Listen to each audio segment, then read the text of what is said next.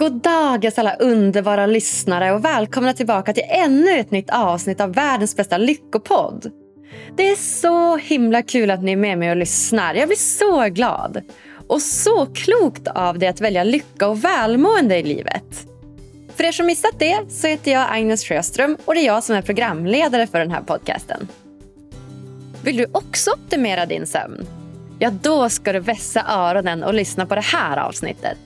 Jag hade ingen aning om att man faktiskt kunde påverka sin sömn så mycket som man faktiskt kan. Veckans gäst är ingen mindre än den bastuälskande professorn Göran Käcklund. När han inte tar en kall öl och lyssnar på bra musik så arbetar han som sömn och stressforskare på Karolinska institutet i Stockholm. Hans forskning har varit inriktad på hur skiftarbete påverkar sömn och vakenhetsförmågan och vad störd sömn får för konsekvenser för hälsa och välmående. Göran är även auktoriserad sömnspecialist och menar att sömn har en betydande roll för just din lycka. I veckans avsnitt får ni ta del av över 40 års erfarenhet i ämnet och vi besvarar frågor som Vilka timmar per natt bör man sova för att må så bra som möjligt? Vad händer om du inte sover bra? Hur undviker du att få insomni? Och är sömn verkligen så viktigt som du tror? Ja, det här avsnittet presenteras som vanligt tillsammans med vår fantastiska samarbetspartner Hypnotication.com som även de har en massa bra mindfulnessövningar som hjälper dig att sova både gott och så länge som just du behöver. Gå in på deras hemsida och ange koden LYCKA för 15% rabatt på hela köpet. Varsågoda! Då säger jag hallå hallå till veckans gäst, sömn och stressforskaren Göran Käcklund. Tack så mycket. Sa jag rätt? Käcklund? Det är precis vad det ska vara. Det namnet kommer ifrån eh, andra sidan där du bor. Jag antar du är uppe från Västerbotten va? Stämmer, stämmer. Just det, så det här är, det är ett österbottniskt namn. Mm, men vad roligt. Vart, vart ifrån närmare kommer det? Ah, det är lite sådär ifrån Vasa, Jakobstadstrakten. Just det, Vasa. Ja, det är så mm. roligt för att Umeås närmsta stad är ju Vasa i Finland. Precis.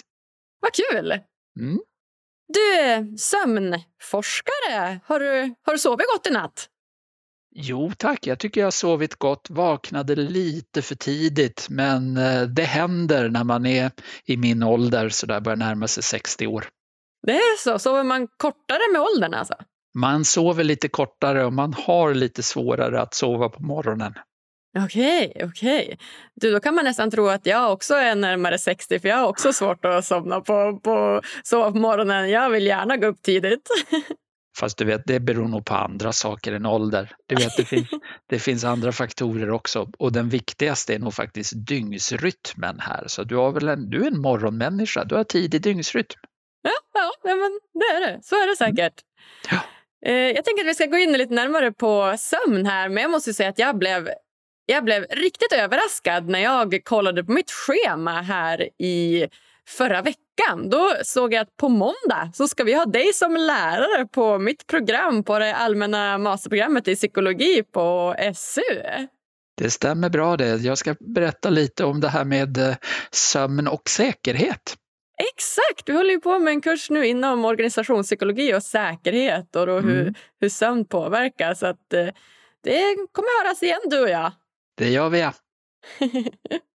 Det blir min andra uppgift idag kan jag säga här att jag har tänkt att nu ska jag förbereda föreläsningen. Ja, vad härligt! Vad härligt. Mm. Spännande. Mm. Hade du koll på att jag gick den utbildningen? Inte en aning faktiskt, Nej. utan det är den som är kursledare som har koll på det. Utan han ger mig order, Göran, kom och föreläs om det här och gör det bra, säger han. Ja, då får hoppas att du gör det då. Mm. Du, så himla spännande Göran. Det vi ska prata om idag är ju då sömn kopplat till lycka och välmående. Och jag vet att du arbetar som sömn och stressforskare och även sömnspecialist och är också ordförande för Svensk förening för sömnforskning och sömnmedicin. Det stämmer rätt. Allt var rätt det där. Härligt. Mm. Har du, har du ett så brinnande intresse för sömn? Hur kom det sig? Gillade du att sova mycket som, som tonåring? Eller hur kom, den, hur kom du in på den banan? Jag det var nog lite sådär ren tillfällighet faktiskt. Att det var inte så att jag hade ett brinnande intresse för sömn. Men eh, det är så att när jag började forska kring det här i slutet på 80-talet så fanns det faktiskt inte särskilt mycket sömnforskning. Det var liksom ett, i en ganska tidig fas forskningsmässigt och det har hänt mycket under de 30 åren som har gått. Men det är fortfarande finns det väldigt många frågor kring sömnens funktion och eh, vad händer när vi inte sover som vi ska, som vi inte har något svar på. Så det var helt enkelt ett forskningsfält som behövde utforskas mer? Exakt, och det lyckades jag väl på något sätt identifiera att jag såg att ja, men det här är ett bra forskningsfält, här kan jag göra lite nytta och så. Och sen har jag, när jag väl kom in i det så kan man väl säga, då förstod jag också att det är, faktiskt är, ja, det är ett roligt forskningsfält. Alltså det, det är, mm, ja, det, jag ångrar inte mitt val om vi säger så. Nej, Nej vad härligt, kul. Ja, men om vi går in på sömn lite här då. Hur, hur eh, påverkar sömn välmåendet? Jo, men det har nog väldigt stor betydelse. Det är ju naturligtvis så att ska man ha en sån där dag då man känner att allting är på topp och man är riktigt glad och tillfreds och lycklig så bör man ha sovit ut. Men jag vill också hävda att för att man ska sova bra så bör man också ha haft en dag då man känner att man är väldigt nöjd med den och man är tillfreds med den dagen helt enkelt. Så det går i båda riktningarna. Det är det, det är den här, man vet inte om det är kausalitet eller om det är en korrelation. Vad påverkar vad? Exakt, det är, det är precis så det Ja, men Spännande. Mm. Ja, men, om vi går in då lite grann på sömnen här. Hur, hur fungerar sömnen? Jo, men alltså sömnens funktion, det är ju mycket att eh, ta hand om eh, det som vi har slitit på och det som eh, vi har eh, liksom den påfrestning som det innebär att vara vaken för oss. För det är ju så, även om vi har haft en dag då vi tycker den har varit alldeles perfekt och vi mår jättebra när vi går och lägger oss på kvällen och vi känner oss lyckliga och så, så kommer vi också förmodligen att vara ganska trötta och det är ju så att vi har slitit mycket under dagen, även fast det har varit en toppdag. Och där behöver vi helt enkelt gå in och reparera och fylla på med ny energi och, och helt enkelt återhämta oss så vi ska kunna klara av att ha även nästa dag att det blir en sån här toppdag då vi känner att vi har mycket energi och är pigga och liksom kan ta oss an de olika utmaningar vi har i livet. Så det är en form av återhämtning då kan man säga från dagen? Det är precis vad det är, så ser jag det. Att det är dels en återhämtning från dagen men också naturligtvis att förbereda oss på ett bra sätt inför en kommande dag helt enkelt. Så att vi ska kunna ha förutsättningar och fungera bra på olika plan. Om vi är på utbildning, skola, universitet eller arbete eller om man är i den fasen att man har slutat arbeta och är pensionär och bara vill ha ett bra liv i största allmänhet. Hur skulle du säga att det påverkar liksom livet och välmåendet om man sover för lite? Vad händer då? Det som framförallt händer det är ju att man blir trött det är det liksom huvudsaken som händer. Men sen ser man ju att det är också om man ser på lite mer det som har att göra med humör och sånt, att man blir liksom kanske lite Alltså humöret försämras. Man kan få lite svårare med sociala möten med andra människor. Man kanske drar sig undan. Om man är riktigt trött sådär så kan det bli att man börjar dra sig undan och vill vara själv istället. Alltså lite grann sånt som påminner om att man är deprimerad skulle man kunna säga. Men ofta är det ju så att om vi har en lite en sömnbrist som inte är sådär jättestor utan det handlar om kanske en eller två timmar en natt. Då kompenserar vi ju genom att helt enkelt anstränga oss extra. Och det kommer ju eh, att fungera alldeles utmärkt och då är det kanske inte särskilt påtagligt det här utan det är ju mest när det blir en sömnbrist som, eller det blir tydligast om man har en sömnbrist som är mer pågående över längre tid. Att man kanske mer eller mindre varje dag i veckan sover för lite. då kan det ju bli lite mer allvarliga problem. Och i värsta fall verkar det som även kunna leda till att man faktiskt kan bli deprimerad. Mm, just det, just det, just det. Så att sova för lite ska man inte göra? Det bör man inte göra, men det är ju ofta så att eh, om man kanske vill leva ett sånt där, ett aktivt liv och man tycker att det är liksom väldigt stimulerande för en så eh, skulle jag vilja säga att då är det kanske inte helt ovanligt att man sover lite för lite. Men det behöver man inte oroa sig så mycket för under förutsättning att man ser till att sova igen, att återhämta sig, att prioritera sömnen liksom lite nu och då under veckan. Mm, och hur ofta är nu och då? då? För det jag tycker att jag ser eller har sett mycket i samhället tidigare det är ju den här liksom, entreprenörskulturen där du jobbar mycket för dig själv och du är din egna chef. Och det är många som pratar om att man ska gå upp tidigt, gå upp fyra på morgonen så att du hinner med din arbetsdag så du kan göra det här och det här och det här. Hur ser du på det? Alltså där är det ju så att man börjar man låta den typen av, ska vi säga det man gör på vaken, när man är vaken, alltså att det kan vara arbete eller hobbys eller familjeliv, ja egentligen vad som helst. Om det får totalt ta över handen, då kommer man ju att drabba, om man börjar gå upp till exempelvis klockan fyra på morgonen, då kommer man att börja drabbas av det som man skulle kunna kalla för en kronisk sömnbrist. Framförallt om man inte tar igen den heller på helg. Och då tror jag att man ganska snabbt kan vara lite illa ute faktiskt. Utan det gäller ju att hitta den här balansen där man inser att om man ska få lite kvalitet på sin vakna tid så är det nog ganska smart att eh, sova, faktiskt att ändå ge en prioritet åt sömnen och se till att man får kanske någonstans runt sju timmar per natt i alla fall. Och att man liksom sätter en gräns och, och försöker planera sitt liv så att man avsätter tid för sömn och återhämtning. Mm. Ja men precis, så sju timmar per natt ungefär rimligt? Då. Det är ungefär. Sen kan det vara så att det är vissa kanske behöver lite mer, man kanske behöver åtta timmar. Vissa kanske, ett fåtal kanske behöver ännu lite mer om man är ung och sådär runt 20 och så. Är man lite äldre så kanske man klarar sig ganska bra med 6 och en halv timme. Så visst finns det en individuell variation, men för de allra flesta så är nog sju timmar en, en bra tumregel. Ja, men jättebra. Säg då att man lever ett ganska aktivt liv, så där man kanske är runt 30-årsåldern och man har heltidsjobb och man har barn och man har någon hobby och man har en partner man ska vara en bra, liksom, bra person till. Och så säger vi att man får, man ligger på den här gränsen och liksom lite under sju timmar. Vi har, sover kanske sex timmar, sex och en halv timme per natt. Hur länge klarar man det innan man behöver liksom sova igen? Man kan säga det att på ett sätt så är sömnen konstruerad så, så vi har ett naturligt sätt att hantera en liten sömnbrist. Nämligen, vi sover lite djupare. Mm. Så att jag skulle vilja säga det att om man går ner en halvtimme kanske så kommer man nog att kunna klara det under ganska lång tid. Men man bör ju naturligtvis försöka se till att ändå sova lite längre när man har lediga dagar och så.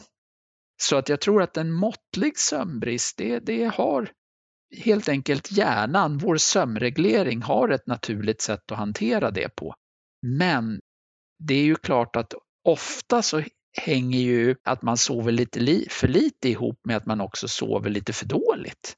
Man har störd sömn. Man är, det finns en anledning att man kanske sover lite för kort och det är att man har orolig sömn, man vaknar i förtid och kombinationen av att sova för lite och dessutom ha regelbundna sömnstörningar, då kan hälsorisker börja förekomma och bland annat med psykisk ohälsa då.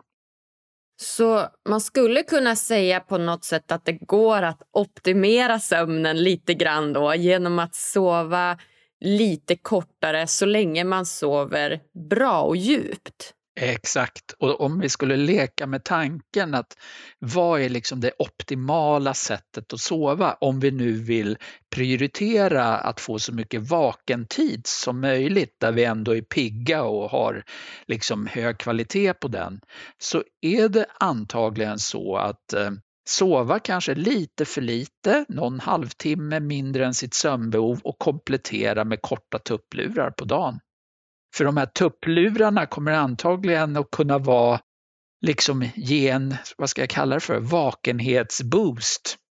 Det är så? Ja, det är antagligen så är det så, men det är ju ingen som har riktigt testat det utan sånt har vi hållit på lite med i labbet och sånt. Men det vore, jag kan tänka mig att de som kanske gör sånt är ja, liksom elitidrottspersoner och sånt där. För de är ofta så att de har problem med att de inte riktigt eh, kanske får så mycket sömn som de egentligen behöver för att de ska liksom ligga på sin eh, prestationstopp där. Och då kan jag tänka mig att många av dem är, är duktiga på att ta tupplurar just och så kallade powernaps och sånt.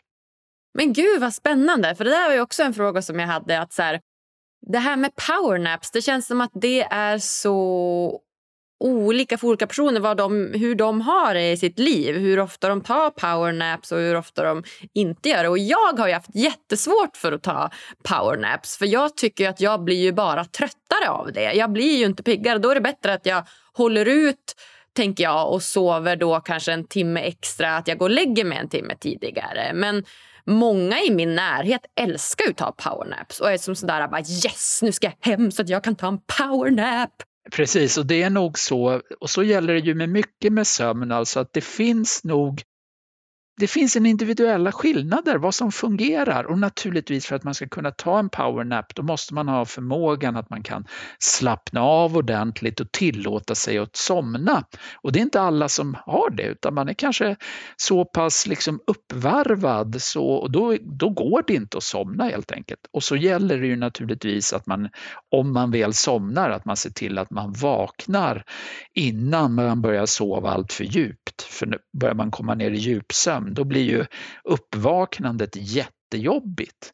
Och då kan man säga att visst, du får bra liksom återhämtning om du har sovit djupsömn, men den här otroliga trögheten och svårigheten att vakna, det kommer ju liksom att göra att att du egentligen inte får så mycket positiv vakenhetshöjande effekt på din ja, vardagsliv helt enkelt. Så därför så kan man säga att ska man ta en längre tupplur då ska man ju se till att avsätta lite tid då man får möjlighet att vakna och bli till människa igen. Liksom bli av med trögheten i hjärnan.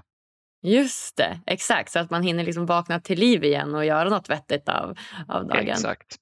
Okej, men hur, hur lång ska den här tuppluren vara för att den ska vara liksom optimal och ge mig ny energi? Alltså om man tänker sig då, det, det där är liksom bra frågor för det man, i, när jag började min karriär då trodde man eh, som forskare då alltså, då trodde man inte att det här med en tupplur på en kvart hade någon positiv effekt alls. Idag så är man ganska övertygad på att sover du 10-15 minuter så får du det som jag kallar för en liten vakenhetsboost. Du blir piggare men det varar inte jättelänge om du ska få en mer varaktig effekt, låt säga att du ska vara vaken en hel natt, då är ju liksom att ta en powernap på 15 minuter klockan 8 på kvällen, sorry alltså det kommer inte att hjälpa så mycket. Men om du sover en och en halv timme då och accepterar att du kommer att ha en, en viss tröghet som, är, som du måste ta dig igenom, då kan du faktiskt klara att vara vaken en natt och någorlunda hålla dig vaken också. Alltså, att inte bara sitta eller ja, att inte nicka till hela tiden. Därför är det ju vanligt bland de som jobbar nattskift till exempelvis att de tar den här typen av lite längre tupplurar före de ska börja sitt nattpass. Just det, okej, men det är ju en bra tumregel att en kortare powernap det är en liten power boost då, eller vakenhetsboost. Och om man då jobbar till exempel skiftarbete och sånt, då kan man gärna ta en liten längre powernap innan man börjar då kanske. Ja, och sen kan det ju vara så att man kanske har sovit så dåligt eller så kort på dagen. Det är nämligen så att sömn påverkas mycket av dygnsrytm, så vi har svårt att sova på dagen. Och eh, då kan man ju behöva ta en lite längre tupplur för att man inte ska ha en alltför stor sömnbrist. Annars är ju risken att man ska liksom inte sover mer än 4,5-5 timmar per dygn och då börjar vi ju komma ner på nivåer utav sömnbrist som är lite för riskabla, kanske framför allt utifrån ett säkerhetsperspektiv.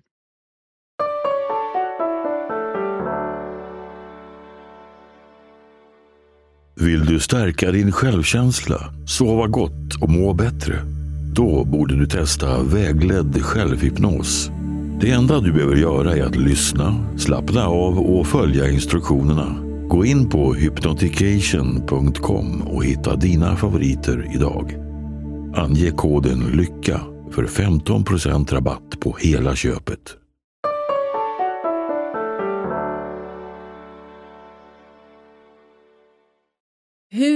Fungerar dygnsrytmen? Dygnsrytmen är att vi har en biologisk inre klocka i vår hjärna. Och den här, du vet, det är som en klocka, den är självgående, den tickar på. Och den är inställd på ungefär 24 timmar. Och den är inställd på att vi ska vara liksom varva ner, återhämta oss, sova på natten. Och sen på morgonen så kickar liksom det igång igen här. Och då så ökar ämnesomsättning. Det blir mer ett högre varvtal i hjärna och övre och andra delar utav kroppen och då får vi väldigt svårt att sova på dagen. Så man kan ju säga det att eh, det här har ju väldigt stor betydelse för vårt liv. Om vi tänker oss att eh, man ska, ja, ska vi säga, vara effektiv på arbetet eller hänga med bra på föreläsningar eh, så ska man ju vara, göra det på dagtid. Då har man väldigt mycket hjälp av dygnsrytmen medan man nattetid, då så är vi ju egentligen inte biologiskt sett inställda på att vara vakna utan då ska vi sova och då har vi ju biologin emot oss när vi försöker arbeta nattetid och eh, eller vilket ju aldrig sker, alltså att man eh, har föreläsningar nattetid. Jag känner till att det har hänt liksom att man har gjort det liksom lite mer sådär på, på skoj skulle man kunna säga att man har prövat att ha föreläsning nattetid och det är ju jättesvårt att hålla sig vaken. Det är också väldigt svårt att föreläsa nattetid. Ja, det kan jag tänka mig. Det måste vara supersvårt just på grund av den biologiska klockan. Det är som en liten Skalmans mat och sovklocka nästan. Det är ju det. Det har ju, och, och liksom, det har ju också fått en, en väldigt stor uppmärksamhet inom forskarvärlden och jag tror att det var 2017 som man fick ett, man delade ut Nobelpris till dem som hade då gjort betydande upptäckter när det gäller dygnsrytmens reglering och sånt. Och man antar att det här att, att gå emot dygnsrytm är någonting som kan leda till hälsorisker och är bland annat en orsak till att varför till exempelvis de som jobbar skift och natt kan i större utsträckning drabbas av vissa sjukdomar. Just det, okej. Okay. Så det har man sett alltså, att sådana som jobbar skiftarbete de har större risk att drabbas för vissa sjukdomar? Ja, till exempelvis eh, hjärtsjukdomar. Det diskuteras också en hel del om det finns vissa cancersjukdomar som också skulle kunna vara mer vanligt förekommande hos de som jobbar skift och natt. Mm, just det. Just det. Så säg då att man har, för det är ganska många jobb idag som, som där man jobbar skift och man jobbar natt, bland annat inom vården som är ju väldigt liksom, noggrant där att man måste vara, ha sin liksom, fulla potential på arbetet för att kunna hjälpa andra och även olika typer av transportmedel och sånt är också väldigt vanligt att man jobbar natt och skift. Skulle du säga att det är bättre då att bara jobba natt eller är det då bättre att jobba lite mer skift så att ibland så jobbar du på dagen och ibland på natten?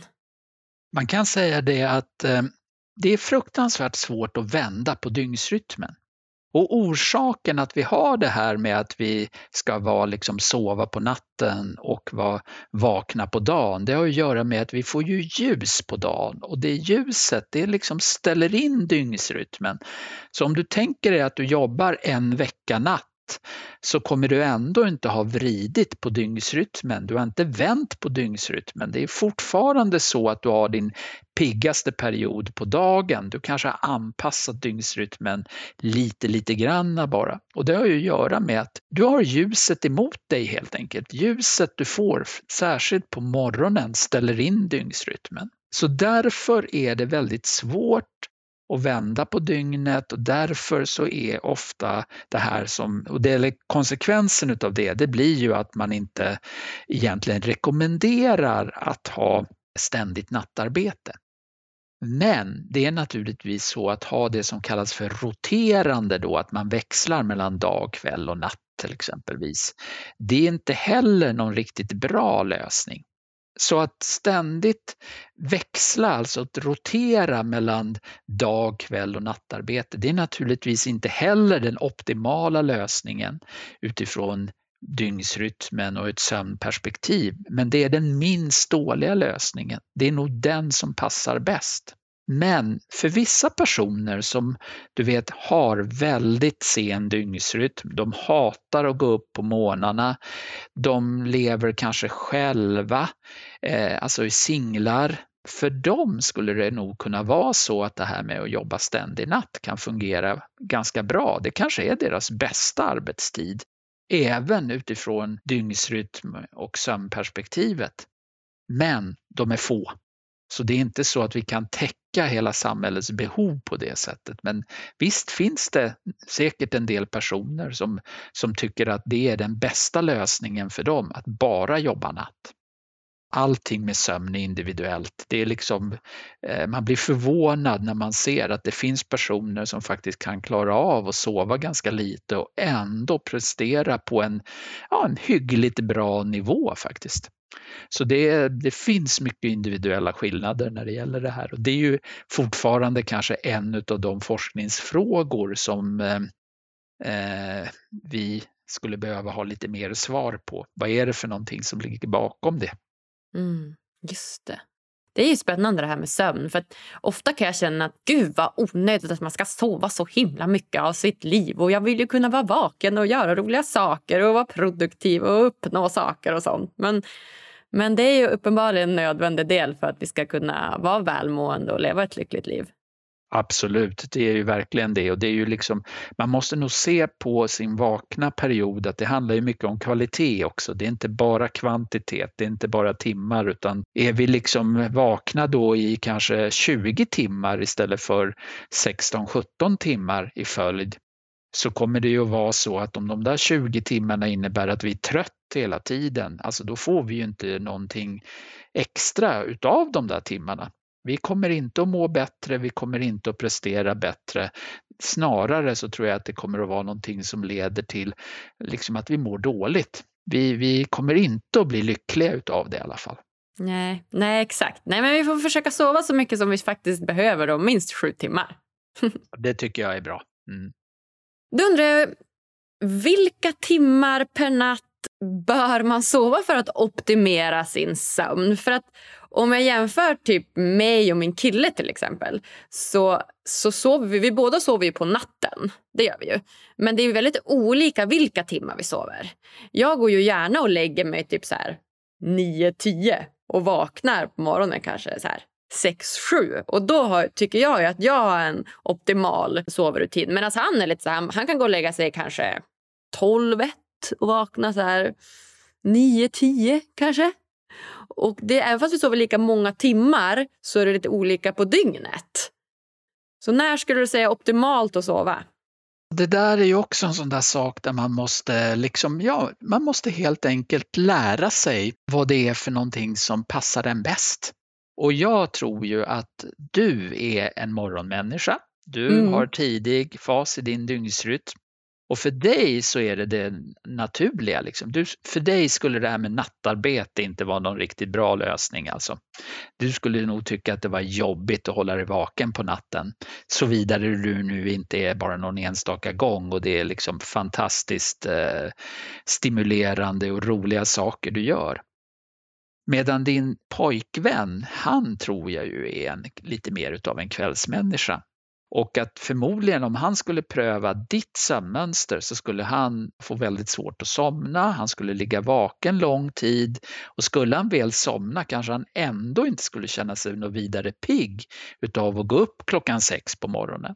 Utan han har en senare fas i dygnsrytmen, han är mer kvällsmänniska. Det är svårt, alltså man måste nog acceptera att lyssna lite på sin biologi här och följa de signaler vi får från dygnsrytmen. Och det handlar ju om att när blir man naturligt sömnig så man känner att det är dags att sova och, och när man sen, när känns det som att det är bra för en att, att liksom vakna? När känner man sig utsövd helt enkelt? Ja, men exakt. Ja, men vi håller på att kompromissa lite så fram och tillbaka nu. Att så här, ibland så går han och lägger sig tidigare och jag är vaken lite senare. Och så där. Så det blir ju bra i, i slutändan ändå. Men när jag var singel och kunde sova när jag ville mer eller så, eller ville sova när jag ville så, så kommer jag ihåg att jag hade ju en väldigt tydlig rutin. Alltså, då behövde jag ju knappt ställa väckarklockan. Utan jag kände direkt när jag blev trött, gick och la mig och sen gick jag upp tidigt. och vet, var väldigt så där, rutinmässig i min, i min dygnsrytm. Jo, men så är det ju. Och det är ju så att dygnsrytmen kan man ju påverka också. Jag menar, jag är ganska övertygad om att om du alltid skulle gå och lägga dig klockan 12 och liksom verkligen försöka anpassa dig till din pojkväns eh, sömnrutin så skulle du nog kunna eh, faktiskt ställa om din dygnsrytm lite. Men det finns genetik också, så det är liksom, man kan inte vara helt säker. Alltså det är nog en, man ska inte underskatta att det finns lite gener som gör att vissa kan ha väldigt svårt att, att bli, man är morgonmänniskor utav, på, utav biologisk grund och det är väldigt svårt att, att anpassa sig. Men för de allra flesta så kan man rucka på det där lite i vårt samhälle så är det ju ofta så att jag menar det är ju en väldig förmån tycker jag att ha en dygnsrytm som du har och vara morgonmänniska för vårt samhälle är ju väldigt inriktat på att man ska liksom gå upp ganska tidigt eller man ska åtminstone klara av att göra det. Och jag menar, vill man gå upp klockan nio på morgnarna, det är inte så många jobb som accepterar att man kommer in vid sådär 10-11. Nej, så det är liksom en, så det är nog en stor fördel att ha just det där med en, tidig dygnsrytm. Jag brukar tycka att jag är avundsjuk på dem för jag är också lite senare. Även om eh, när jag blivit lite äldre så tycker jag det här med att gå upp på morgnarna funkar mycket bättre nu än vad det gjorde för sådär 20-30 år sedan. Ja, just det. Ja, och det är ju spännande om man ser det på så sätt. För att rent generellt, som du säger, så är samhället är verkligen uppbyggt på att ett klassiskt eh, morgonmänniskodygn, att man börjar jobbet kanske åtta, nio och sju ibland i byggbranschen och så. Och så jobbar man sina åtta timmar. Men det är också lite så förvånansvärt ändå för att jag upplever ju att de flesta är kvällsmänniskor. Jag upplever att många gillar att vara uppe sent på kvällen och sova lite längre på dagen. Så det är spännande att, att det har utvecklats så ändå. Absolut, och, det, och man ser ju det, alltså att det, du har ju helt rätt. De allra flesta är lite mer åt kvällsmänniskohållet och man ser ju det att de som liksom om man har möjlighet och har ett sådant arbete där man kan styra över när man till exempelvis startar sitt arbets, sitt ar, sin arbetsdag eller sitt arbetspass, då är det ju många som gärna vill börja lite senare också det är ju liksom väldigt uppskattat och så. Och det ska bli spännande att se liksom i, framöver om det inte kommer att bli lite mer flexibla tider på det sättet. Och att det kanske till och med kan vara väldigt bra för många verksamheter att man helt enkelt är lite mer effektiv på dagen om man kan få ha sin naturliga sömnrytm men samtidigt är det ju, det finns ju många arbeten som du nämnde tidigare här som har just skiftgång. Vården, transportsektor och så vidare där man ju har väldigt, måste ha väldigt liksom bundna, styrda arbetstider och där kommer man inte att kunna anpassa det. Det går ju inte liksom, utan då får man ju i sådana fall, om man tycker att det här med till exempelvis tidiga morgnar eller nattpass är fruktansvärt jobbiga, då får man ju se till att liksom byta till ett annat jobb där man kan slippa det. Mm. Mm. Ja, men faktiskt. Äh, det är spännande du säger det med flexibla arbetstider och ett flexibelt liv. För Det är, det är mycket det vi pratar om i skolan. Ju. Jag läser ju, ja, men som du vet, den här utbildningen i ledarskapspsykologi och personalarbete och organisationer. Och det man kommer fram till nu då, och speciellt också nu kopplat till corona, det är ju att just flexibla arbetstider och autonomi, det är väldigt viktigt för arbetstrivseln. Så det blir väldigt spännande som du säger att se här framöver hur, hur arbetsplatser som har den möjligheten då att kunna ha flexibla arbetstider och distansarbete och så, hur de fortsätter med det då även efter den här pandemin. Mm. Och det är ju så, det finns ett ganska starkt samband mellan att, att kunna påverka sina arbetstider och ha bra sömn helt enkelt. De sover bättre och får säkert lite längre sömn och har bättre sömnkvalitet. Så det, man skulle väl se det att om vi liksom låter vår biologi få spela lite större roll för hur vi organiserar arbete så borde vi faktiskt ha flexibla arbetstider och jag kan mycket väl tänka mig att distansarbete faktiskt skulle kunna vara positivt för sömnen. Man slipper ju åka, liksom spendera tid med pendling, man kanske kan gå upp lite senare och så. Så att jag eh, skulle mycket väl kunna tänka mig det, såvida man inte naturligtvis upplever distansarbetet, att man blir väldigt ensam och att man, blir liksom, ja, man får stress av det helt enkelt. Men jag tror nog att det mycket tyder väl på att det finns en ganska stor grupp i samhället som tycker att det vi har nu under pandemin då man jobbar mycket hemifrån, att man, man trivs med det. Man tycker det är en bra lösning. Det funkar bra med en sömn. Verkligen. Ja, men verkligen som du säger. Vi hade ju precis ett arbete som vi gjorde i vår tidigare kurs där vi undersökte just då distansarbete kopplat med, till arbetstrivsel och välmående. Och det visar sig verkligen som att de, ja, men de flesta liksom parametrar tyder på att det är positivt. Det enda som, precis som du nämner, som kan vara riskabelt med distansarbetet det är just eh, ensamheten och att man blir isolerad. Så att, eh, det är väl det som är som är den faran med det. Men ja, som du säger, det kan till och med påverka sömnen positivt. Mm. Vi får se, det där blir ju spännande. Det tror jag är det är nog många forskare som ser fram emot nya forskningsmöjligheter här när man ska utvärdera det här när pandemin är över också. Ja, det ska bli superspännande tycker jag också. Du, jag vet ju också att Eh, sömnen påverkar ju också, ja, förutom då att eh, reducera sömnighet och så, så har det ju också en stor påverkan på minnet, minneslagringen och den emotionella balansen. Ja. Mm. Det man vet är ju att det verkar som att det är framförallt minne och inlärning så har sömnen en, en stor betydelse. Och där verkar det också vara så att sömnens innehåll verkar spela ganska stor roll. Vi har ju en, olika sömnstadier och jag har ju nämnt ett av dem, det är ju den djupa sömnen. Men det finns också något som kallas för REM-sömn eller som vi kanske lite mer populärt säger drömsömn. Och där verkar det just som att REM-sömn har Alltså det är viktigt att vi får det för att vi ska få en optimal inlärning. Men antagligen så är det också väldigt viktigt att vi får djupsömn för att vi ska få bra inlärning helt enkelt. Så att, eh, eh, och där finns det liksom ganska mycket experimentell forskning som har visat på att om man inte får sova så kommer man liksom inte att lära sig eh, sådana här ganska enkla uppgifter sen, liksom när man testas på nytt sen på morgonen. Och då, där ju man jämför det då med om man har fått sova normalt. Det finns också en del tecken som tyder på att de som sover dåligt under längre tid har lite större risk att få kognitiva störningar i, i hög ålder, till exempelvis demens de som är experter på det, det är ju inte jag, men det, jag tror de har börjat bli ganska intresserade av just sömnstörningar och att det kanske sker vissa processer i hjärnan som är av fundamental betydelse just för utvecklandet av demens och, och då minne.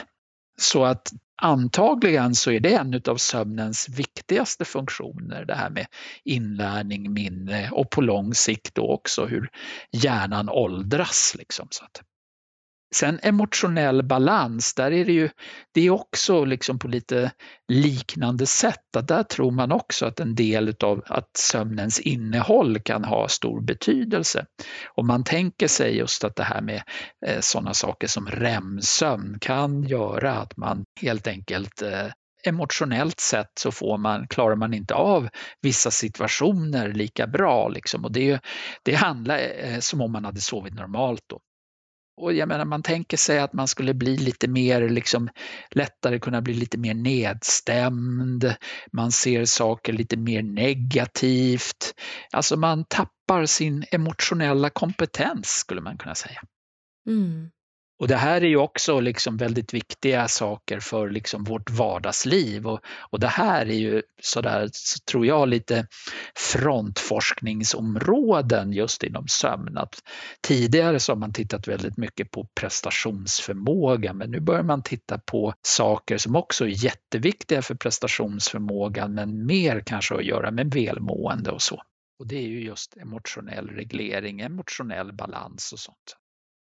Ja, så himla spännande. Sömnen har verkligen många olika funktioner. Det är minne och det är emotionell kompetens och det är ja, men bara reducera trötthet och koncentrationsförmåga och prestation. Ja, det, det är minst sagt viktigt i vart fall att, att sova väl. Absolut, det är definitivt så att det, det liksom är någonting som påverkar ju hela hela livet, alltså, eller hela vardagslivet i alla fall. Och, och som sagt var även då långsiktig hälsa då, även om vi inte har, har pratat så mycket om det än så länge i alla fall. Nej, just det. Jag ska gå in på det då, långsiktig hälsa. Alltså där är det så att man, har, man vet ju att det är vissa som då sover dåligt mer eller mindre för jämnan. Då drabbas man ju ofta av kliniska diagnoser som till exempelvis insomni. Insomni betyder ju sömnlöshet och det är ju en diagnos som innebär att man har till exempelvis svårt att somna eller man sover orolig sömn eller man vaknar i förtid och dessutom så har det här negativa konsekvenser på ens vakenhetstid, alltså att man blir kanske är onormalt trött eller har jättesvårt att klara av sitt jobb, kan inte koncentrera sig och så. Och de som har den här typen av sömnstörningar, då, insomni, de har också större risk att drabbas av vissa sjukdomar, till exempelvis depression, men också lite större risk att drabbas av till exempelvis hjärtsjukdomar, få liksom sån här typ 2-diabetes, diabetes som man får när man liksom man är inte född att ha diabetes utan det kommer i vuxen ålder helt enkelt.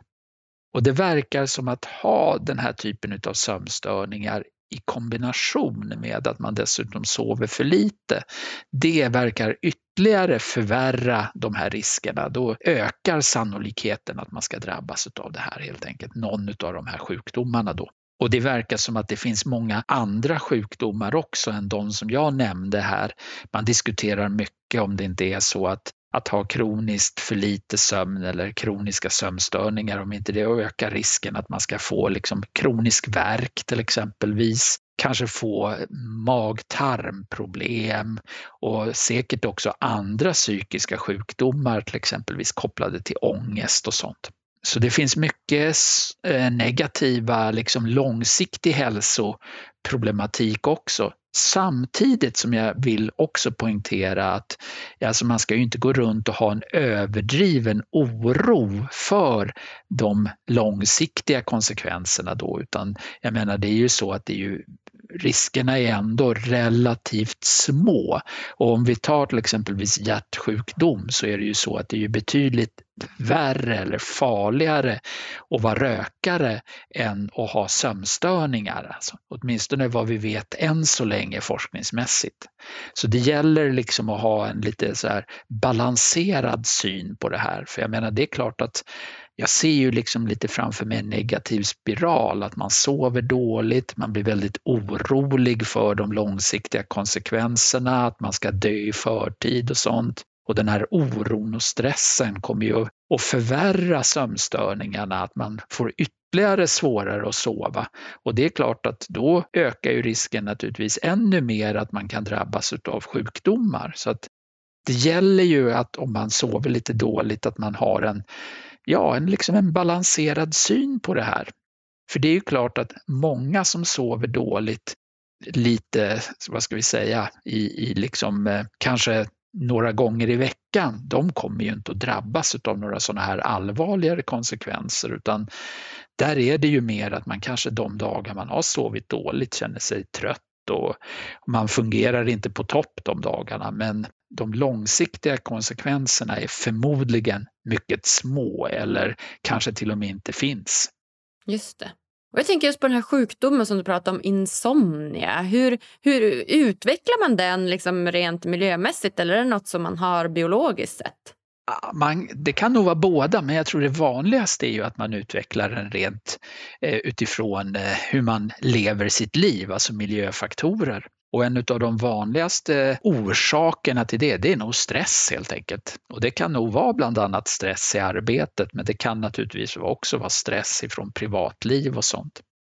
Andra orsaker till insomni kan ju vara, ha att göra med ens livsstil, att man faktiskt är lite överaktiv och inte liksom prioriterar sömn. Eller att man har en väldigt dålig sovmiljö. Att man till exempelvis har väldigt mycket buller eller dåliga förutsättningar i miljön för att sova. Och ytterligare en anledning för att man drabbas av insomni, det är ju andra sjukdomar. Man kanske har väldigt mycket smärtproblematik och då är det svårt att sova. Liksom man får inte liksom, det, det bryt, verken, smärtan kommer att, att eh, avbryta sömnen och göra att man får en orolig, störd sömn helt enkelt. Mm, mm, mm. Så mycket bra kunskap och vad du kan mycket. Det märks verkligen att du har hållit på med det här i några år. Ja, du vet att det, det finns så mycket bra böcker om sömn också så man kan snabbt bli expert kan jag säga. Ja, det är så. Vill du tipsa om några böcker?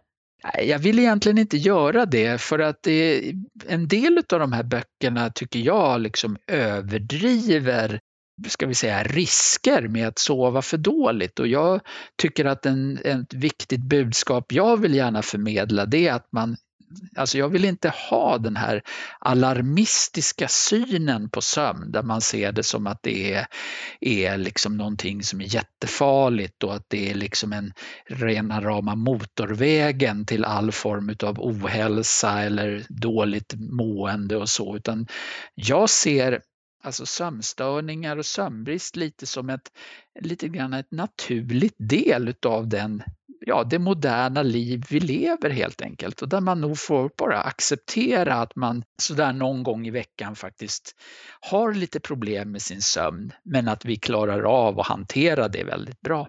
Och är det så att det tar överhanden så tycker jag då ska man ju bara se till och liksom, ja men då får man prioritera upp det alltså. Men man ska inte liksom ha den där, du vet jag tycker det är det här med när man läser ibland på kvällstidningar att det står på löpet där att nu vet du, sömnbrist förkortar ditt liv eller någonting sådär. De löpen gillar inte jag, de vill jag ta bort.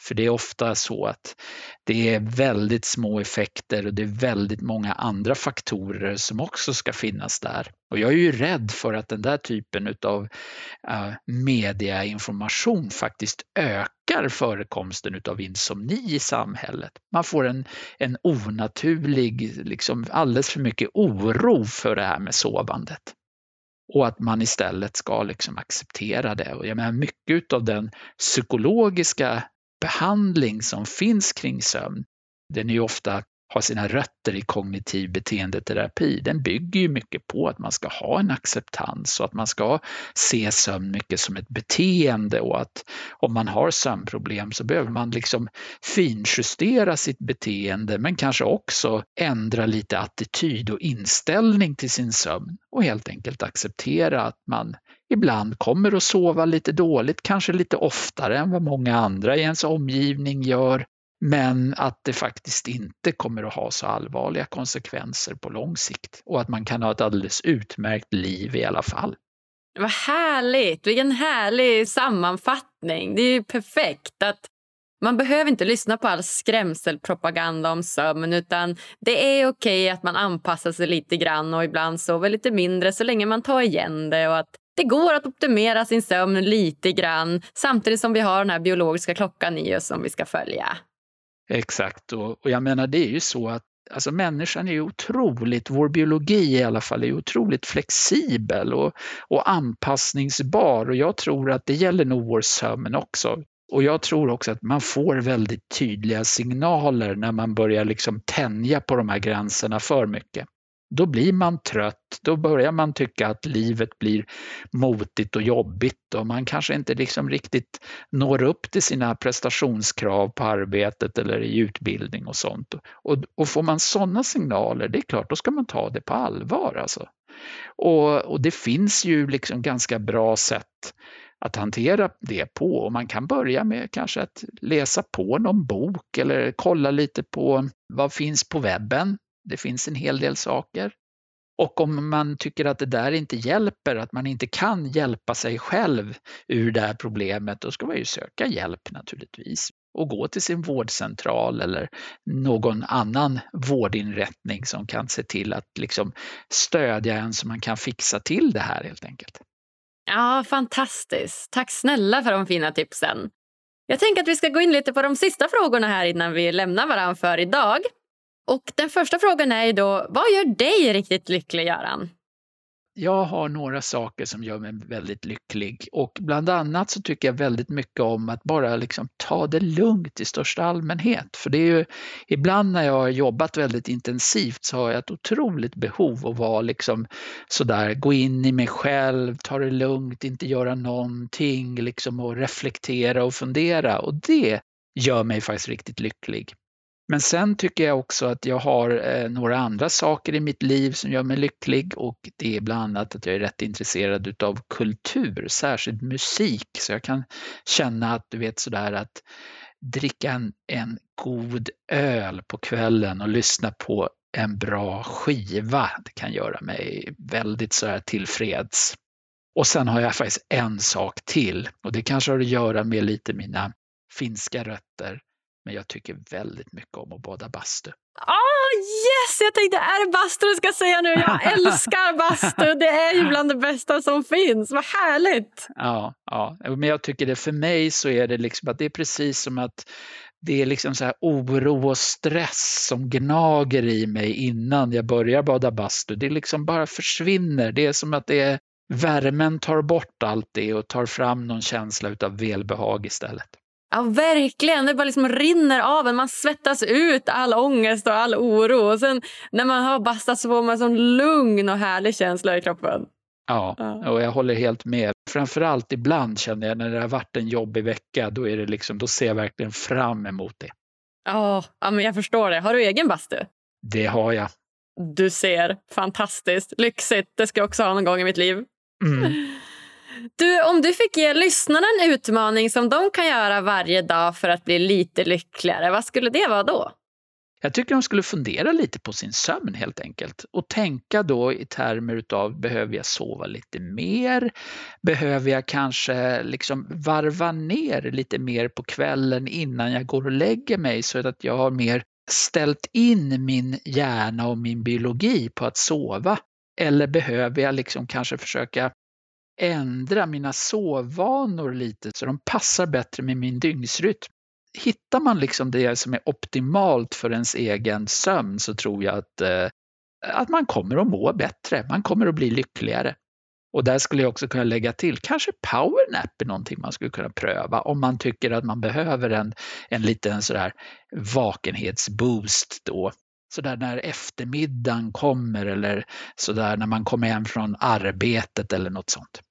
Ja, fantastiskt. Reflektera lite över sina sömnvanor. Ja, det tycker jag man ska göra.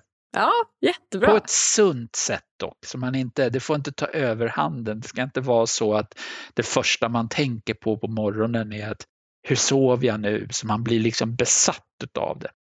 Nej. Det är jag faktiskt lite orolig för när det gäller alla sådana här, eller inte poddar, men appar menar jag.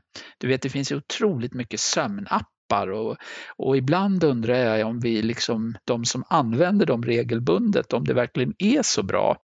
Eller om det är så att det börjar liksom ta överhanden och tar, liksom gör att man fokuserar allt för mycket på sitt sovande. Utan se det som en biologisk process istället som sköter sig mycket sig själv, tror jag.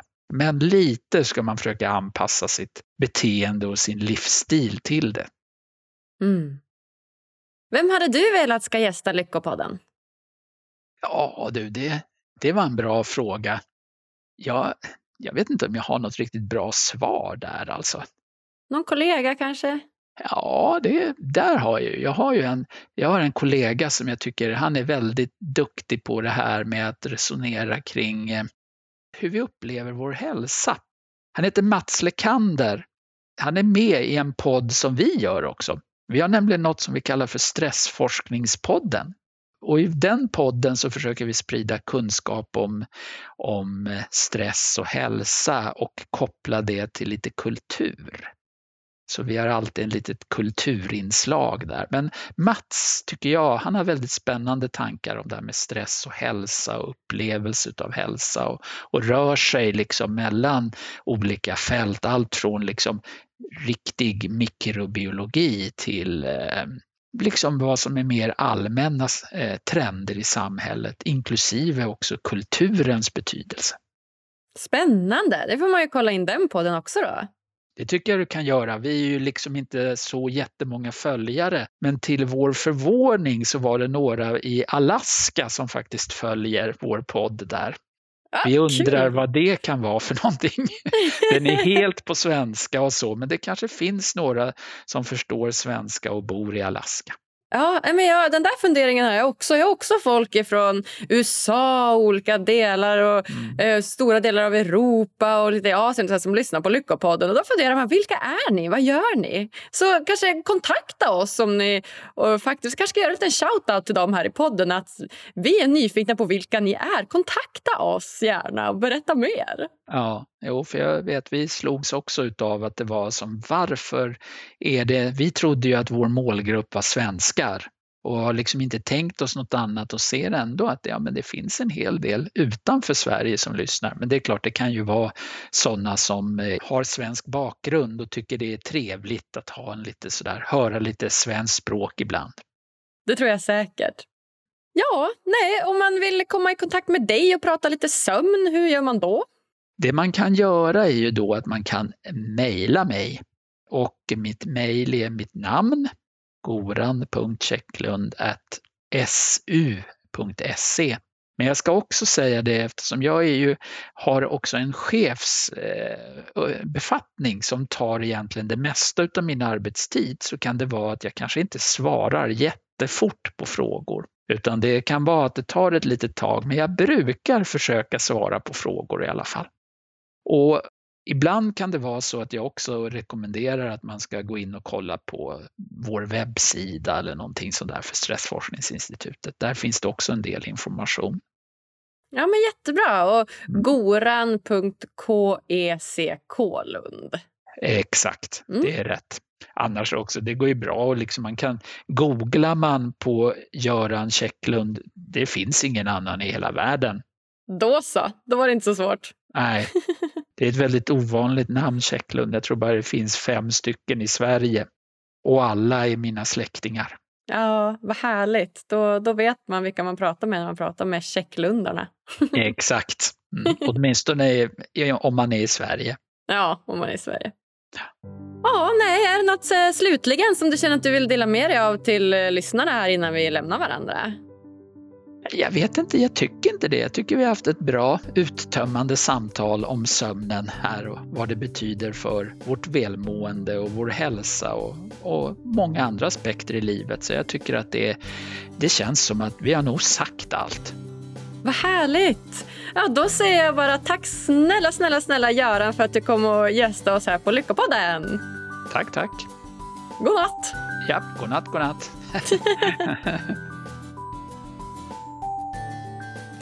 Nej då. Jag blev superpigg av det här avsnittet och inte alls särskilt trött som jag trodde jag skulle bli. Men jag kan ju inte låta bli att längta lite grann till helgen ändå när man får sova ut ordentligt på morgonen och vakna av sig själv. Det är verkligen en speciell känsla. Men det är nog dags för mig att prova att ta korta powernaps för att få en liten boost på eftermiddagarna. Och jag ska försöka njuta av att jag faktiskt är en morgonmänniska. Prenumerera gärna på podden, följ oss på sociala medier och ge oss fem stjärnor på iTunes om du tycker det här avsnittet var lika bra som jag. Tack för att just du lyssnar. Vi hörs på tisdag igen. Puss och kram!